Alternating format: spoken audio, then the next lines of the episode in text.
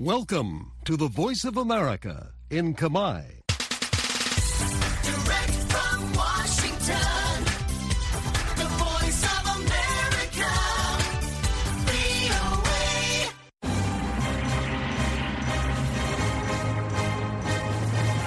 សួស្តីប្រិយមិត្តអ្នកស្ដាប់ជាទីមេត្រី នៅក្នុងកម្មវិធីផ្សាយតាមវិទ្យុរបស់ VOA នៅព្រឹកថ្ងៃពុធទី17ខែមករាឆ្នាំ2024នេះ ខ្ញុំជឹងពូជីននិងសហការីនៃក្រុមផ្សាយខេមរៈភាសាសូមស្វាគមន៍ប្រិយមិត្តពីរដ្ឋធានី Washington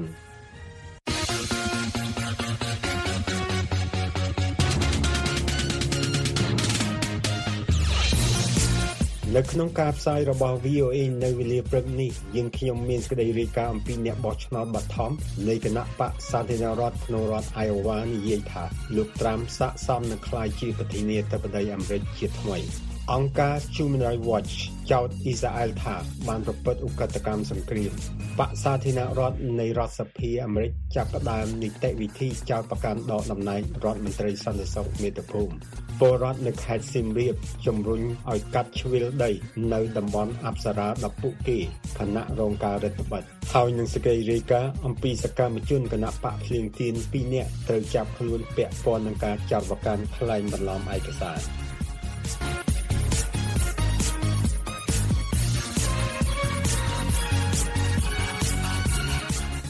អតីតប្រធានាធិបតីអាមេរិកលោកដូណាល់ត្រាំបានឈ្នះការបោះឆ្នោតបឋមសម្រាប់គណៈបកសាធារណរដ្ឋនៅក្នុងរដ្ឋ Iowa កាលពីថ្ងៃច័ន្ទកន្លងទៅដោយអ្នកបោះឆ្នោតភាគច្រើនបំផុតគិតថាអតីតប្រធានាធិបតីអាមេរិករូបនេះនៅតែស័ក្តិសមដើម្បីចូលគ្រប់គ្រងសេដ្ឋវិមានឡើងវិញប្រសិនបើត្រូវបានកាត់ទោសដោយបទឧក្រិដ្ឋណាមួយក៏ដោយទីភ្នាក់ងារព័ត៌មាន Reuters រាយការណ៍អំពីរឿងនេះលោកជាវណ្ណរិទ្ធជួនក្តីប្រែសម្រួលដូចតទៅ អ្នកគាំទ្រគណៈបកសាធារណរដ្ឋភៀកច្រើនបំផុតដែលបានចូលរួមការបោះឆ្នោតបឋមក្នុងរដ្ឋ Iowa សហរដ្ឋអាមេរិកកាលពីថ្ងៃច័ន្ទកន្លងទៅនេះបាននិយាយថាគេគិតថាលោកដូណាល់ត្រាំស័ក្តិសមនឹងឡើងកាន់តំណែងក្នុងសេដ្ឋវិមានឡើងវិញប្រសិនបើលោកត្រូវបានកាត់ទោសពីបទឧក្រិដ្ឋណាមួយក៏ដោយនេះបើតាមរដ្ឋផលស្ទង់មតិកាលពីថ្ងៃច័ន្ទកន្លងទៅនេះដែលបង្ហាញពីមូលដ្ឋានគាំទ្រខ្លាំងដែលអតីតប្រធានាធិបតីអាមេរិករូបនេះមាននៅក្នុងគណៈបកសាធារណរដ្ឋ អ្នកបោះឆ្នោតបឋមចំនួនប្រមាណ2ភាគ3ក៏បាននិយាយផងដែរថាគេមិនជឿថាប្រធានាធិបតីបច្ចុប្បន្នមកពីគណៈបកប្រជាធិបតេយ្យលោកโจ Biden ឈ្នះការបោះឆ្នោតប្រធានាធិបតីអាមេរិកកាលពីឆ្នាំ2020ដោយសមហេតុផលនោះឡើយនេះបើយោងលើការស្ទង់មតិនេះហើយដែលត្រូវបានចេញផ្សាយដោយទីភ្នាក់ងារសារព័ត៌មាន Reuters ខាងក្រោមនេះជាការបង្ហាញការស្ទង់មតិរបស់វិទ្យាស្ថាន Edison ស្ដីពីការសម្ភាសន៍អ្នកគាំទ្រគណៈបកសាធារណរដ្ឋចំនួន1628នាក់ក្នុងរដ្ឋ Iowa សហរដ្ឋអាមេរិកអ្នកឆ្លើយសំណួរចំនួន66%និយាយថាពួកគេមិនគិតថាលោក Biden បានឈ្នះការបោះឆ្នោតប្រធានាធិបតីអាមេរិកកាលពីឆ្នាំ2020ដោយភាពត្រឹមត្រូវនោះឡើយអ្នកឆ្លើយសំណួរចំនួន65%និយាយថា ពួកគេបានសម្រេចចិត្តថាអ្នកណាដែលត្រូវគ្រប់គ្រងដើម្បីទទួលបានការតែងតាំងជាបេក្ខជនប្រធានាធិបតីក្នុងការប្រកួតប្រជែងនៅមុនដំណាច់ខែនេះអ្នកឆ្លើយសំណួរចំនួន65%និយាយថាលោកត្រាំនឹងនៅតែស័ក្តិសមដើម្បីក្លាយជាប្រធានាធិបតីសហរដ្ឋអាមេរិកថ្មីប្រសិនបើលោកត្រូវបានកាត់ទោសដោយបទឧក្រិដ្ឋណាមួយក៏ដោយអ្នកឆ្លើយតបតែចំនួន31%ប៉ុណ្ណោះដែលថាលោកមិនស័ក្តិសមទទួលតំណែងនេះបើត្រូវបានកាត់ទោសនោះ ចំណែកអ្នកឆ្លើយសំណួរចំនួន61%និយាយថាគេចង់បានច្បាប់សហព័ន្ធមួយដែលហាម5ដល់ការរំលូតកូននៅទូទាំងប្រទេសដោយឡែកអ្នកបោះឆ្នោតបឋមស្បែកសចំនួន53%ដែលកាន់សាសនាគ្រឹះបានគ្រប់គ្រងលោកត្រាំហើយមានតែ27%ប៉ុណ្ណោះដែលគ្រប់គ្រងលោក DeSantis អ្នកបោះឆ្នោតចំនួន46%និយាយថាគេចាត់ទុកខ្លួនគេជាផ្នែកមួយនៃចលនាម៉ាកាឬការធ្វើឲ្យអាមេរិកអស្ចារ្យជាថ្មីម្ដងទៀតដែលជាពាក្យស្លោករបស់លោកត្រាំ ចំណែកអ្នកគ្រប់គ្រងចំនួន50%និយាយថាពួកគេមិនមែនជាផ្នែកមួយនៃចលនានេះឡើយលោកត្រាំមានសម្លេងនាំមុខអ្នកស្រី Haley និងលោក DeSantis ក្នុងចំនួន2ខ្ទង់ក្នុងចំណោមអ្នកគ្រប់គ្រងបរិសុទ្ធនិងស្ត្រីដូចគ្នាប៉ុន្តែក្នុងចំណោមនិស្សិតបញ្ចប់ការសិក្សាមហាវិទ្យាល័យពួកគេពេញចិត្តលោកត្រាំប្រមាណ37%ចំពោះអ្នកទៅបោះឆ្នោតបឋមនេះបើប្រៀបធៀបជាមួយនឹងអ្នកស្រី Haley មានចំនួនតែ28%ហើយលោក DeSantis មានចំនួនតែ26%ប៉ុណ្ណោះ អ្នកបោះឆ្នោតបឋមចំនួន38%និយាយថាសេដ្ឋកិច្ចជាបញ្ហាដែលមានសារៈសំខាន់បំផុតក្នុងការសម្រេចចិត្តស្តីពីការបោះឆ្នោតបឋមកាលពីថ្ងៃច័ន្ទកន្លងទៅនេះដោយបញ្ហាជនអន្តោប្រវេសន៍មានចំនួន34%ហើយក្រៅពីនេះគឺលើបញ្ហានយោបាយការបរទេសនិងការរំលូតកូនជាដើមអ្នកបោះឆ្នោតចំនួន14%និយាយថា បញ្ហាគុណភាពដ៏ចម្បងបំផុតនោះគឺថាអ្នកទទួលបានការតែងតាំងជាបេក្ខជនប្រធានាធិបតីខាងគណៈបកសាធារណរដ្ឋត្រូវមានសមត្ថភាពយកឈ្នះលើលោក Biden បើប្រៀបធៀបនឹងចំនួន41%ដែលយល់ថាគុណតម្លៃរួមជាកត្តាចម្បងបំផុតវិជាស្ថានស្រាវជ្រាវ Edison បានរៀបចំការស្ទង់មតិនេះក្នុងនាមបណ្ដាញការស្ទង់មតិការបោះឆ្នោតជាតិដែលជាបណ្ដុំអង្គការព័ត៌មានជាច្រើនដែលរួមមានទីភ្នាក់ងារសារព័ត៌មាន Reuters ផងដែរ ពីរដ្ឋធានី Washington ខ្ញុំជ្រាវណ្ណរិទ្ធ VOA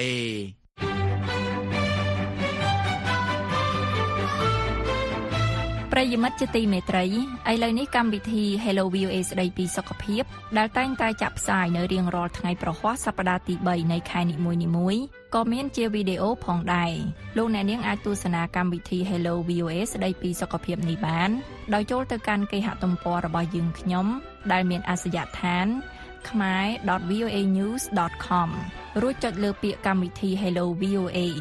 នោះលោកអ្នកនឹងចូលទៅដល់ទំព័រមួយទៀតដែលមានកម្មវិធី Hello VOA សុខភាពហើយលោកអ្នកនាងអាចទស្សនាវីដេអូមួយណាក៏បាន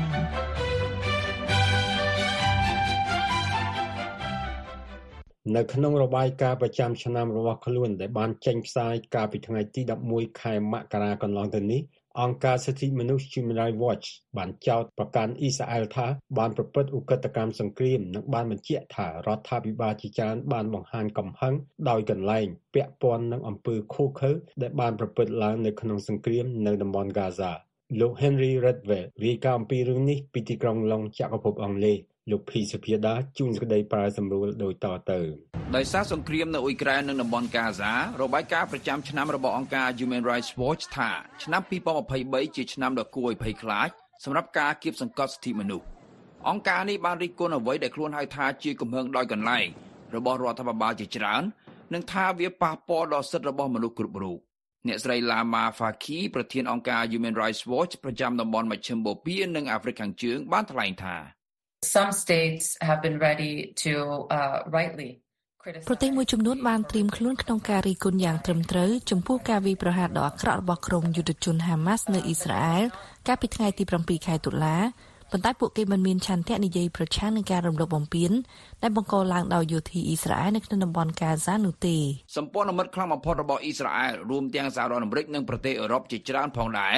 បានគាំទ្រសិទ្ធិរបស់អ៊ីស្រាអែលក្នុងការការពារខ្លួន រដ្ឋមន្ត្រីការបរទេសអាមេរិកលោក Anthony Blinken បានថ្លែងថា We know that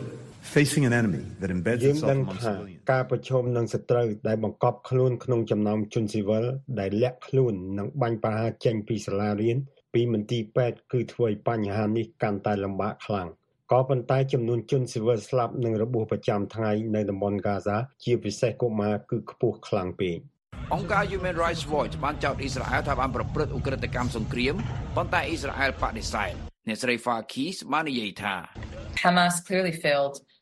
to adhere to uh, obligations under the law on October 7th. ក្រុមហាម៉ាស់ច្បាស់ណាស់បានបរាជ័យក្នុងការប្រកាន់ភ្ជាប់នូវកាតព្វកិច្ចតាមច្បាប់កាលពីថ្ងៃទី7ខែតុលាយើងកំពុងបន្តមើលឃើញការបរាជ័យបែបនេះរបស់យោធាអ៊ីស្រាអែលដូចគ្នាយើងមើលឃើញថាគេមានចេតនាកាត់ផ្តាច់ទឹកប្រេងឥន្ធនៈនិងអគ្គិសនីនិងរដ្ឋបិទទៅលើការផ្ដល់ជំនួយមនុស្សធម៌នេះជាឧទាហរណ៍ជាក់ស្ដែងនៃការដាក់ទណ្ឌកម្មជាសមូលហភាព អង្គការ Human Rights Watch ក៏បានលើកឡើងផងដែរអំពីទុកលំបាកដែលបង្កឡើងដោយចំនួននៅស៊ូដង់និងនៅមីយ៉ាន់ម៉ាដែលនៅទីនោះរបបយោធាបន្តយុទ្ធនាការដ៏ប្រឡាយប្រឆាំងនឹងក្រុមជនជាតិភៀតតិចនៅតំបន់សាហែលនៃទ្វីបអាហ្វ្រិកអង្គការ Human Rights Watch ថាក្រុមសកម្មប្រយុទ្ធនិងកងកម្លាំងប្រឆាំងភេរវកម្មប្រព្រឹត្តអំពើឃោរឃៅជាប្រចាំរបាយការណ៍អង្គការនេះបានបង្ហាញអំពីការធ្វើទុកបុកម្នេញលើស្ត្រីក្រោមការគ្រប់គ្រងរបស់ក្រុមតាលីបង់នៅអាហ្វហ្គានីស្ថាន របាយការណ៍នេះបានចោទប្រទេសមួយចំនួនដូចជាឥណ្ឌារវ៉ាន់ដានិងចិនថាបានដៅគោលដៅលើជនជាតិរបស់ខ្លួនរស់នៅក្រៅប្រទេសដែលជារឿយៗជាអ្នកនយោបាយប្រឆាំងឬក៏លើគ្រួសាររបស់ពួកគេនៅស្រុកកំណើតអង្គការនេះបានសរសើរស្ថាប័ននានាដែលគ្រប់គ្រងសិទ្ធិមនុស្សដូចជាតុលាការអ ுக ្រិតកម្មអន្តរជាតិ ICC ដែលបានចេញដីកាចាប់ខ្លួនប្រធានាធិបតីរុស្ស៊ីលោក Vladimir Putin ពាក់ព័ន្ធនឹងការចោទប្រកាន់ថារដ្ឋាភិបាលរុស្ស៊ីបានបញ្ជូនកុមារអ៊ុយក្រែនដោយបង្ខំទៅរុស្ស៊ី អង្គការនេះក៏បានលើកឡើងអំពីសេចក្តីសម្រេចឆ្នាំមុនរបស់តុលាការកំពូលប្រេស៊ីលដែលផ្ដល់សិទ្ធិដល់ជនជាតិដើមភាគតិចក្នុងការកាន់កាប់ទឹកដីប្រពៃណីរបស់ខ្លួនផងដែរពីរដ្ឋធានី Washington ខ្ញុំភីសុភាដា VOA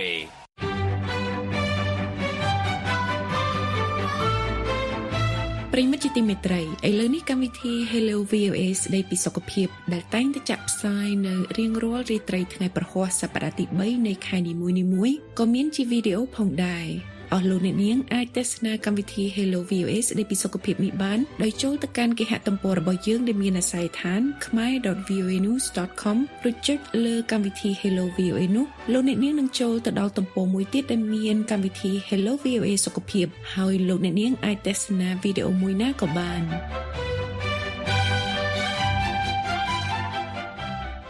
កាលពីថ្ងៃទី10ខែមករាកន្លងទៅនេះ សមាជិករដ្ឋសភាអាមេរិកខាងគណៈបកសាធារណរដ្ឋបានចាប់ផ្ដើមនីតិវិធីផ្លូវការនៃការចោទប្រកាន់ដើម្បីដកតំណែងរដ្ឋមន្ត្រីក្រសួងសន្តិសុខមាតុភូមិនៃរដ្ឋបាលរបស់លោកប្រធានាធិបតី Joe Biden វិធានការមិនធម្មតានេះបានធ្វើឡើងស្របពេលដែលក្រុមសមាជិកព្រឹទ្ធសភាខាងគណៈបកទាំងពីរកំពុងចរចាគ្នាអំពីកិច្ចព្រមព្រៀងដ៏ធំមួយដែលនឹងកែប្រែច្បាប់អន្តោប្រវេសន៍ជាថ្នូរនឹងការទទួលបានការបោះឆ្នោតគ្រប់គ្រងដើម្បីអនុញ្ញាតឲ្យមានការផ្ដល់ជំនួយបន្ថែមទៀតទៅកាន់ប្រទេសអ៊ុយក្រែននិងអ៊ីស្រាអែលអ្នកស្រី Catherine Gibson អ្នកឆ្លើយឆ្លងព័ត៌មានរបស់ VOA ប្រចាំសភារាយការណ៍អំពីរឿងនេះពីរដ្ឋធានី Washington លោកភីសុភាដាជួនក្តីប្រាយសម្រួលដោយតទៅគណៈការស៊ើបអង្កេតដើម្បីចោទប្រកាន់ដកតំណែងប្រធានាធិបតីអាមេរិកលោកโจ Biden កំពុងបន្ត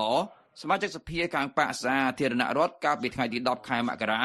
បានចាប់ផ្ដើមការស៊ើបអង្កេតដើម្បីចោទប្រកាន់ដកតំណែងរដ្ឋមន្ត្រីសន្តិសុខមាតុភូមិលោក Alejandro Mayorkas លោក Mark Green ប្រធានគណៈកម្មាធិការសន្តិសុខមាតុភូមិនៃរដ្ឋសភាអាមេរិកបានថ្លែងថា Secretary Mayorkas has repeatedly លោក lied to រដ្ឋម the ន្ត្រី Mayorkas បានកុហកពលរដ្ឋនិងសភាម្ដងហើយម្ដងទៀតការស៊ើបអង្កេតរបស់យើងបានរកឃើញករណីជាង100ដែលលោកបានធ្វើឲ្យសាធារណជនយល់ច្រឡំកិច្ចប្រឹងប្រែងដ៏កម្រក្នុងការចោទប្រកាន់ដើម្បីដកតំណែងមន្ត្រីជាន់ខ្ពស់នេះបាននាំឲ្យសមាជិកសភាខាងបកប្រជាធិបតេយ្យថ្កោលទោសដោយថាលោកមេយ៉ូកាសមិនអាចត្រូវប្រឈមនឹងការដកតំណែងដោយសារការអនុវត្តគោលនយោបាយនោះទេ លោក Benny Thompson មន្ត្រីជាន់ខ្ពស់គណៈបកប្រជាធិបតេយ្យនៃគណៈកម្មាធិការសន្តិសុខមាតុភូមិនៃរដ្ឋសភាថ្លែងថា This is not a legitimate impeachment. នេះមិនមែនជាការចោទប្រកាន់ដើម្បីដកតំណែងដោយស្របច្បាប់នោះទេបកសាធារណរដ្ឋចង់តាក់ទាញការគ្រប់គ្រងពីមូលដ្ឋានរបស់ពួកគេនិងរៃអង្គាសប្រាក់សម្រាប់យុទ្ធនាការឃោសនាបោះឆ្នោតពួកគេដឹងថាសម្លេងភាកច្រើនដ៏ស្ដួចស្ដាងរបស់ពួកគេកំពុងតែសាបរលាប កាលពីពេលថ្មីថ្មីៗនេះលោកមេយ៉ូកាសបានការពារទង្វើរបស់លោកដោយថាស្ថានភាពនៅព្រំដែនអាមេរិកជាប់មិចស៊ិកគឺជាផ្នែកមួយនៃកម្រិតចំណាក់ស្រុកមិនធ្លាប់មានពីមុនមក នៅទូទាំងតំបន់អាត្កូលខាងលិច We now need Congress ឥឡូវនេះយើងត្រូវការឲ្យសភាបំពេញភារកិច្ចរបស់ខ្លួនប្រព័ន្ធអន្តោប្រវេសន៍របស់យើងគឺហួសសម័យនឹងប្រេះស្រាំហើយត្រូវការការកែតម្រង់អស់ពីជាច្រើនទសវត្សរ៍មកហើយ សមាជិកព្រឹទ្ធសភាខាងបកទាំងពីរបានចរចាអស់រាប់សប្តាហ៍លើការអនុម័តកំណែទម្រង់ប្រព័ន្ធអន្តោប្រវេសន៍ដែលជាផ្នែកមួយនៃសំណើបន្ថែមរបស់សេតវិមានអំពីសន្តិសុខជាតិដែលរួមមានទាំងជំនួយ60ពាន់លានដុល្លារសម្រាប់អ៊ុយក្រែនផងដែរបកសាធារណរដ្ឋថាពួកគេនឹងមិនអនុញ្ញាតឲ្យមានជំនួយបន្ថែមទេលុះត្រាតែសហរដ្ឋអាមេរិកអាចធានាសន្តិសុខព្រំដែនរបស់ខ្លួនបានអ្នកស្រី Marsha Blackburn សមាជិកព្រឹទ្ធសភាខាងគណៈបកសាធារណរដ្ឋបានថ្លែងថា Why is it that they cannot figure ហេតុអ្វីបានជាពួកគេមិនអាចស្វែងរកវិធីធានាសន្តិសុខព្រំដែនខាងត្បូងឥឡូវលោករដ្ឋមន្ត្រីមយោកាសនឹងឈរនៅមុខអ្នកហើយប្រាប់អ្នកថាព្រំដែនមានសន្តិសុខយើងដឹងថាវាមិនអញ្ចឹងទេលោកសមាជិកព្រឹទ្ធសភា Mitch McConnell ថាស្ថានភាពនៅព្រំដែនជាវិបត្តិមួយជាងនេះទៀតលោកបានជំរុញឲ្យសមាជិកសភាបន្តស្វែងរកដំណោះស្រាយចំពោះបញ្ហាគម្រិតកំហែងសន្តិសុខអន្តរជាតិ Our nation is facing the most serious array ប្រជាជាតិរបស់យើងកំពុងប្រឈមនឹងបញ្ហាសន្តិសុខជាតិធ្ងន់ធ្ងរជាច្រើនចាប់តាំងពីការដួលរលំនៃសហភាពសូវៀតមកហើយការទទួលខុសត្រូវរបស់ព្រឹទ្ធសភាក្នុងការដោះស្រាយបញ្ហាទាំងនោះមិនទាន់បានបំពេញនៅឡើយទេក្រសួងការពារជាតិអាមេរិកថាអាមេរិកបានបញ្ជូនជំនួយដែលអនុម័តចុងក្រោយទៅអ៊ុយក្រែនកាលពីចុងខែធ្នូជំនួយជិត14,000លានដុល្លារសម្រាប់អ៊ីស្រាអែលនិងការផ្តល់ប្រាក់ដើម្បីទប់ទល់នឹងឥទ្ធិពលចិននៅឥណ្ឌូប៉ាស៊ីហ្វិកក៏ត្រូវបានផ្អាកផងដែរ រហូតដល់ពេលណាដែលមានកិច្ចព្រមព្រៀងផ្នែកអន្តោប្រវេសន៍លោក Chuck Schumer មេដឹកនាំគណៈបកប្រជាធិបតេយ្យនៃព្រឹទ្ធសភាបាននិយាយថា Passing the supplement បើជំនួយបន្ថែមនេះត្រូវបានអនុម័តនោះវាជាសញ្ញាដែលអាមេរិកបង្ហាញទៅកាន់ពិភពលោកថាអាមេរិកអាចគ្រប់គ្រងស្ថានភាពបានលោក Schumer ទំនងជាមិនចាប់អារម្មណ៍លើសវនាការរបស់ព្រឹទ្ធសភាលើករណីលោក Mayorkas នេះទេប្រសិនបើរដ្ឋសភាអនុម័តលើការចោទប្រកាន់លោក Mayorkas នេះពីរដ្ឋធានី Washington ខ្ញុំភីសុភាដា VOA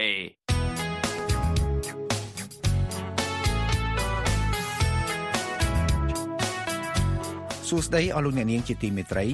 VOA យើងខ្ញុំសូមជម្រាបលោកអ្នកថាក្រៅពីផ្សព្វផ្សាយព័ត៌មានអំពីប្រទេសកម្ពុជា ជាអត្ថបទនិងសំឡេងលោកអ្នកថែមទាំងអាចទទួលព័ត៌មានជារូបភាពវីដេអូផង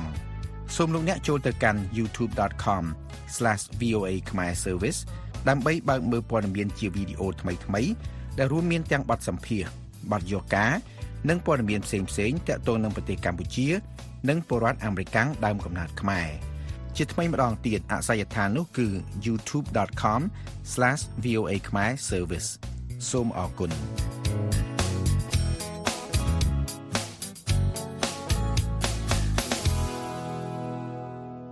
ប្រជាពលរដ្ឋដែលរស់នៅក្នុងតំបន់អប្សរាបានដាក់ញត្តិទៅអាជ្ញាធរឲ្យជួយដោះស្រាយបញ្ហាប្រឈមនៅក្នុងការរស់នៅ។ពួកគេជំរុញឲ្យអាជ្ញាធរកាត់ជ្រៀលដីនៅតំបន់អប្សរាដល់ពួកគេ ដើម្បីអាចសាងសង់សំណង់ស្របច្បាប់ និងពុំមានការរំខានពីអាជ្ញាធរ កញ្ញាមេដារីកាយ VOA ពីរាជធានីភ្នំពេញដូចតទៅប្រជាពលរដ្ឋនៅសៀមរាបដែលរស់នៅក្នុងតំបន់អប្សរាបានអំពាវនាវឲ្យរដ្ឋាភិបាលដោះស្រាយបញ្ហាប្រឈមរបស់ពួកគេ ដែលរងការរឹតបន្តឹងក្នុងការសាងសង់សំណង់នានាការលើកឡើងបែបនេះបន្ទាប់ពីប្រជាពលរដ្ឋបានដាក់ញត្តិទៅសាលាខេត្តសៀមរាបកាលពីថ្ងៃច័ន្ទដែលបង្ហាញអំពីក្តីព្រួយបារម្ភអំពីការផ្លាស់ប្តូរទីលំនៅដោយពលរដ្ឋដែលកំពុងរស់នៅតំបន់អង្គរទៅរស់នៅតំបន់ផ្សេងដូចជាតំបន់រិនតាឯកនិងពាក់ស្នែងក្នុងខេត្តសៀមរាបការនេះប្រជាពលរដ្ឋស្នើឲ្យអាជ្ញាធរកាត់ជ្រៀលដីសម្រាប់ពួកគេ ដើម្បីអាចសាងសង់សំណង់ស្របច្បាប់ និងអាចរស់នៅដោយពុំមាន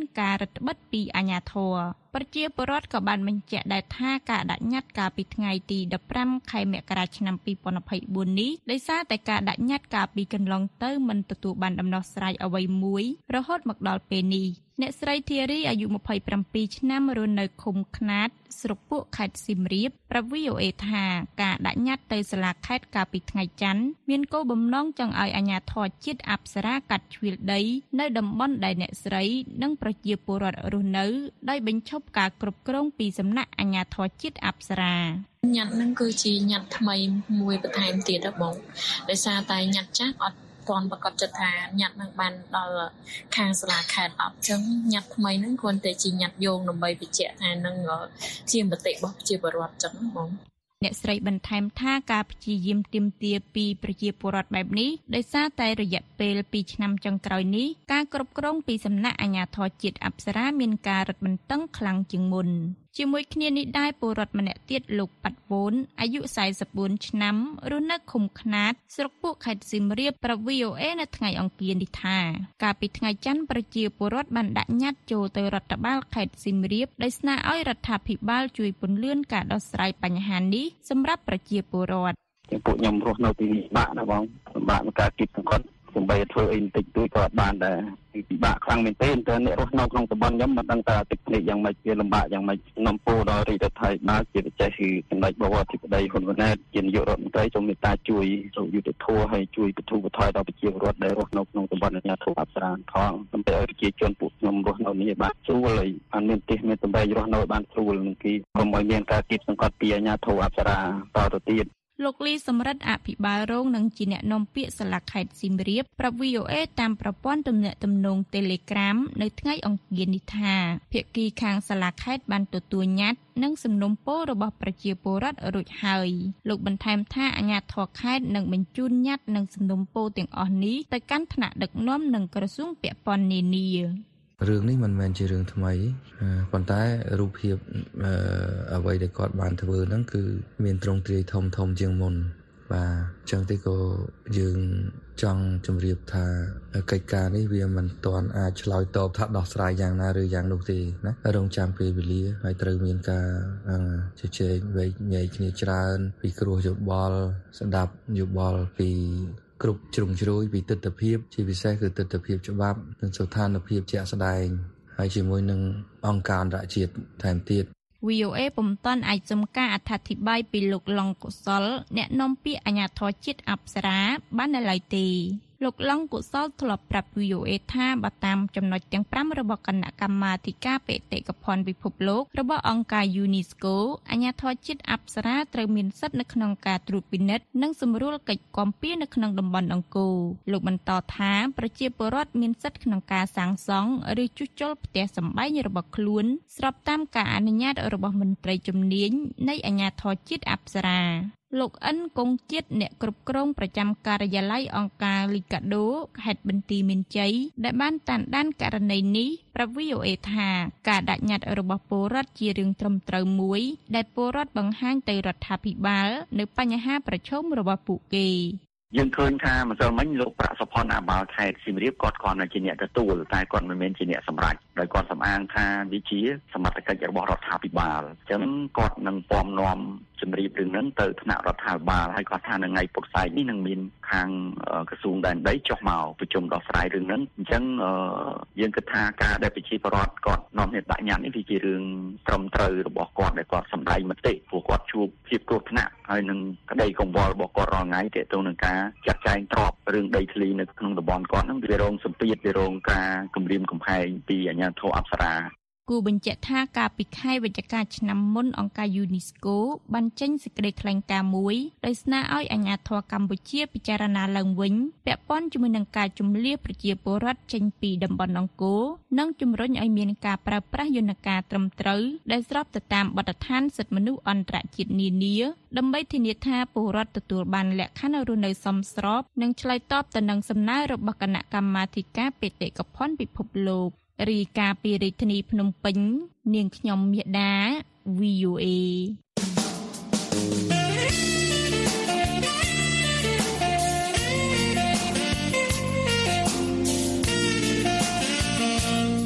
អស់លោកអ្នកនាងកំពុងតែស្ដាប់ការផ្សាយបន្តផ្ទាល់របស់ VOA ពីរដ្ឋធានី Washington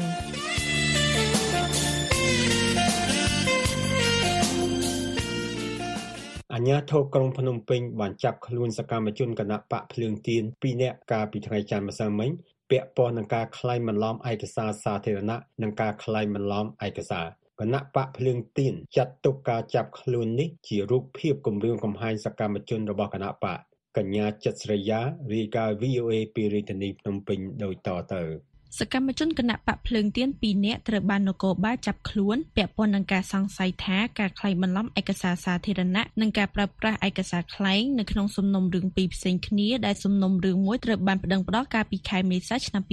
2022សមត្ថកិច្ចរាជធានីភ្នំពេញបានបញ្ជូនពួកគេទៅតុលាការនៅថ្ងៃអង្គារនេះដើម្បីបន្តនីតិវិធីនេះបើតាមអាជ្ញាធរក្រុមគ្រួសារនិងគណៈបកភ្លើងទៀន គណៈបកភ្លឹងទៀនចាត់ទុកការចាប់ខ្លួននេះជារូបភាពគំរាមកំហែងដើម្បីបំបាក់ស្មារតីប្រជាពលរដ្ឋខ្មែរមិនឲ្យចូលរួមសកម្មភាពនយោបាយជាមួយគណៈបកប្រឆាំងលោកខឹមច័ន្ទវណ្ណៈប្រធានស្ដីទីគណៈកម្មាធិការប្រតិបត្តិគណៈបកភ្លើងទៀនដែលត្រូវបានអាជ្ញាធរប្រមាណ20នាក់ចាប់ខ្លួននៅភូមិពប្រកខាងត្បូងសង្កាត់កាកាបទី1ខណ្ឌពោធិ៍សែនជ័យរាជធានីភ្នំពេញវេលាម៉ោងជាង3រសៀលនៅថ្ងៃទី15ខែមករាឆ្នាំ2024ដោយមិនបង្ហាញដីកា ចំណែកអ្នកស្រីឆៃចិន្តាប្រធានចលនាស្ត្រីខណ្ឌត្រួយចង្វាត្រូវបានអាជ្ញាធរចាប់ខ្លួននៅទីស្នាក់ការគណៈបកខណ្ឌត្រួយចង្វារាជធានីភ្នំពេញដែលជាផ្ទះរបស់អ្នកស្រីវេលាម៉ោងប្រមាណជា4រសៀលនៅថ្ងៃទី15ខែមករាដូចគ្នានេះបើតាមគណៈបកភ្លើងទៀននិងអ្នកពាក់ព័ន្ធ លោកសំវិជ្ជការអ្នកនាំពាក្យស្នងការរាជធានីភ្នំពេញប្រាប់ VOA នៅថ្ងៃអង្គារនេះថាអាជ្ញាធរបានឃាត់ខ្លួនលោកខឹមច័ន្ទវណ្ណៈនិងអ្នកស្រីឆៃចិន្តាតាមពាក្យបណ្ដឹងរបស់ពលរដ្ឋចំនួន3នាក់ពាក់ព័ន្ធនឹងការក្លែងបន្លំឯកសារសាធារណៈលើឯកសារឈរឈ្មោះធ្វើជាបេក្ខជនបំរុងឈរឈ្មោះក្រុមប្រឹក្សាសង្កាត់នៅសង្កាត់ផ្សារថ្មីទី3ដែលអ្នកប្តឹងថាមិនបានដឹងខ្លួនអំពីការឈរឈ្មោះនោះទេ បាទពីម្សិលមិញហ្នឹងយើងមានការខាត់ខ្លួនពួកគាត់ទាំងពីរនាក់ជូនទៅតុលាការអនុវត្តតាមវិការបញ្ជាឲ្យចូលខ្លួននិងមួយគេបញ្ជាឲ្យបង្គាប់ឲ្យចាប់ខ្លួនណាតែពិតចំណេះខ្លួនគេអត់ដឹងគេមិនមានហៅថាទៅឈរឈ្មោះទេគាត់ចូលឈ្មោះហើយនឹងស្នាមមេដៃខ្លាញ់បន្លំយកទៅដាក់ពេលអញ្ចឹងសមត្ថកិច្ចធ្វើការស្រាវជ្រាវហើយធ្វើខ្សោយវិច័យស្នាមមេដៃហើយនឹងហត្ថលេខាគឺគាត់មានការខ្លាញ់បន្លំលោកសូមមិនបញ្ជាក់អត្តសញ្ញាណរបស់ដើមបណ្ដឹងដោយថាជាការរក្សាសិទ្ធិជនរងគ្រោះ។ អ្នកនាំពាក្យស្នងការរាជធានីភ្នំពេញរូបនេះបន្ថែមថាអាជ្ញាធរបានបញ្ជូនសកម្មជនគណបកភ្លើងទៀនទាំងពីររូបនេះទៅតុលាការកាលពីព្រឹកថ្ងៃអង្គារ VOA មិនទាន់អាចសុំការអត្ថាធិប្បាយពីលោកប្លង់សុផលអ្នកនាំពាក្យតុលាការរាជធានីភ្នំពេញបាននៅឡើយទេកូនប្រុសច្បងរបស់លោកខឹមច័ន្ទវណ្ណៈគឺលោកខឹមច័ន្ទសវណ្ណមង្គលអាយុ21ឆ្នាំស្នើឲ្យអាជ្ញាធរដោះលែងឪពុករបស់លោកឲ្យមានសេរីភាពវិញដោយលោកថាឪពុករបស់លោកមិនបានធ្វើអ្វីខុសដោយការចាត់ប្រកាន់ឡើយ។ នឹងសំណពរឲ្យខាងអាជ្ញាធរជួយមើលឡើងវិញនិងដោះលែងគាត់ឲ្យអត់លក្ខខណ្ឌរយគឺការពិតអត់មានការខ្លាយបន្លំឯកសារទៅចំណែកកូនស្រីរបស់សកម្មជនឆៃចន្ទាអ្នកស្រីធឿនច័ន្ទបរមីអាយុ31ឆ្នាំក៏ស្នើឲ្យដោះលែងម្ដាយរបស់អ្នកស្រីឲ្យមានសេរីភាពវិញព្រោះម្ដាយអ្នកស្រីមានអាយុ60ឆ្នាំនិងមានជំងឺប្រចាំកាយ ខ្ញុំដោះលែងគាត់មកព្រោះថ្ងៃគាត់ឈឺដល់គឺគាត់អត់មានសុខភាពល្អដូចគេទេថ្ងៃគាត់ប្រើឆ្នាំប្រចាំថ្ងៃហ៎បងសំណុំរឿងរបស់អ្នកស្រីឆៃចន្ទាបានកើតឡើងតាំងពីខែមេសាឆ្នាំ2022ហើយតុលាការបានចេញដីកាបង្គាប់ឲ្យចាប់ខ្លួនអ្នកស្រីតាំងពីខែតុលាឆ្នាំមុនប៉ុន្តែគេមិនទាន់ដឹងនៅឡើយទេថាតើហេតុអ្វីបានជាអ្នកស្រីទើបត្រូវបានចាប់ខ្លួនកាលពីថ្ងៃច័ន្ទ គណៈបកភ្លើងទៀនចាត់ទុកការចាប់ខ្លួនសកម្មជនបន្ថែមទៀតនេះគឺជារូបភាពគំរាមកំហែងដើម្បីបំបាក់ស្មារតីប្រជាពលរដ្ឋខ្មែរមិនឲ្យចូលរួមសកម្មភាពនយោបាយជាមួយគណៈបកភ្លើងទៀននិងធ្វើឲ្យបរិយាកាសនយោបាយអាប់អួរបន្ថែមទៀតមុនការបោះឆ្នោតអសកលឆ្នាំ2024ទាំងការបោះឆ្នោតជ្រើសតាំងសមាជិកព្រឹទ្ធសភានាខែកុម្ភៈ និងការបោះឆ្នោតជ្រើសរើសក្រុមប្រឹក្សារាជធានីខេត្តក្រុងស្រុកខណ្ឌនាខែឧសភាខាងមុខនេះបើតាមសេចក្តីថ្លែងការណ៍របស់គណៈបកភ្លឹងទៀនចុះថ្ងៃទី15ខែមករាឆ្នាំ2024លោកលីសុធារាយុទ្ធអគ្គលេខាធិការគណៈបកភ្លើងទៀនប្រាប់ VOA ថាការចាប់ខ្លួនសកម្មជនរបស់គណៈបកភ្លើងទៀនពីរនាក់បន្ថែមទៀតនេះគឺជាការធ្វើទុកបុកម្នេញនិងប៉ះពាល់សិទ្ធិធ្វើនយោបាយក្នុងប្រទេសកម្ពុជា បើតាមលោកលីសុធារាយុទ្ធរហូតមកដល់ពេលនេះសកម្មជននិងថ្នាក់ដឹកនាំគណៈបកភ្លើងទៀនជាង10នាក់កំពុងជាប់ឃុំក្នុងពន្ធនាគាររូបភាពនៃការចាប់ខ្លួនបែបហ្នឹងគឺចង់មិនចង់គឺវាប៉ះពាល់ដល់សិទ្ធិសេរីភាពក្នុងការធ្វើនយោបាយជាមួយនឹងគណៈបកនយោបាយចំតោះហើយមិនមែនតែប៉ះពាល់ដល់គណៈបកនយោបាយទេវាប៉ះពាល់ដល់អារម្មណ៍របស់ពលរដ្ឋទាំងមូលដែលជាមើលឃើញថាការចាប់ខ្លួនចេះតែបន្តធ្វើការចាប់ខ្លួនជាពិសេសទៅលើគណៈបកចំតោះ លោកលីសុធារាយុទ្ធក៏អំពាវនាវឲ្យមានការដោះលែងសកម្មជនទាំងពីរនាក់នេះឲ្យមានសេរីភាពឡើងវិញនិងបញ្ឈប់ការចាប់ខ្លួនការឃុំខ្លួនការគំរាមកំហែងនិងការធ្វើទុកបុកម្នេញតាមគ្រប់រូបភាពលើថ្នាក់ដឹកនាំនិងសមាជិកគណៈបកភ្លើងទៀនដើម្បីធានាបរិយាកាសល្អប្រសើរនៅមុនការបោះឆ្នោតលោកសឹងសានករណាអ្នកនាំពាក្យសមាគមការពារសិទ្ធិមនុស្សអាត់ហុកក៏សង្កល់ឃើញថានៅពេលជិតមានការបោះឆ្នោតទាំងសកលនិងអសកលគឺតែងតែមានករណីបែបនេះដែលសមាជិកចាប់ខ្លួនសកម្មជនគណៈបកប្រឆាំងពីបទផ្សេងផ្សេងជាក់ស្ដែងដោយករណីខ្លាញ់បន្លំឯកសារជាដើមអ្នកខ្លំមើលសិទ្ធិមនុស្សមើលឃើញថាស្ថានភាពនយោបាយនៅកម្ពុជាបានធ្លាក់ចុះតាំងពីឆ្នាំ2017ពលនៅពេលគណៈបកជំទាស់គឺអតីតគណៈបកសង្គ្រោះជាតិត្រូវបានរំលាយ កាលពីសប្តាហ៍មុនអង្គការសិទ្ធិមនុស្ស Human Rights Watch ដែលមានមូលដ្ឋាននៅសហរដ្ឋអាមេរិកបានចេញផ្សាយរបាយការណ៍ប្រចាំឆ្នាំមួយដោយលើកឡើងថាការបង្ក្រាបរបស់រដ្ឋាភិបាលទៅលើគណៈបកប្រឆាំងប្រព័ន្ធផ្សព្វផ្សាយឯករាជ្យសកម្មជនដីធ្លីមេដឹកនាំសង្គមស៊ីវិលមេដឹកនាំសហជីពនៅតែបន្តកើតមានឡើង អង្គការនេះរីកគុណថាស្ថានភាពនឹងការគោរពសិទ្ធិមនុស្សកាន់តែមានភាពយ៉ាប់យ៉ឺនបន្ថែមទៀតក្នុងឆ្នាំ2023អង្គការមួយនេះអះអាងថានាយករដ្ឋមន្ត្រីថ្មីលោកហ៊ុនម៉ាណែតដែលកាន់អំណាចបានជាង4ខែមិនបានធ្វើឲ្យស្ថានភាពសិទ្ធិមនុស្សមានភាពល្អប្រសើរឡើយរីកាពីរាជធានីភ្នំពេញនាងខ្ញុំចិត្តស្រីយ៉ា VOA Direct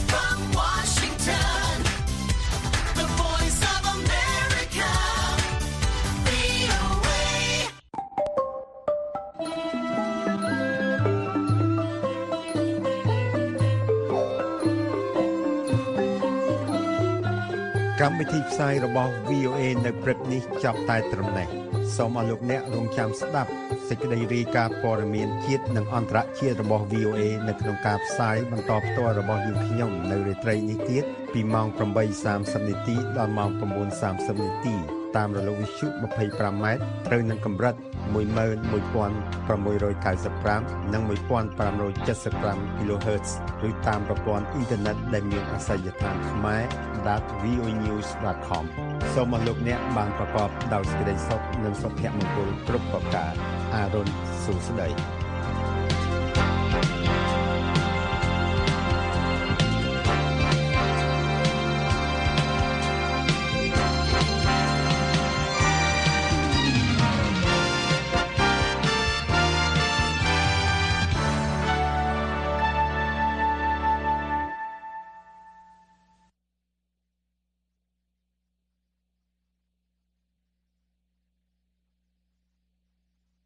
This program has come to you from the Voice of America, Washington.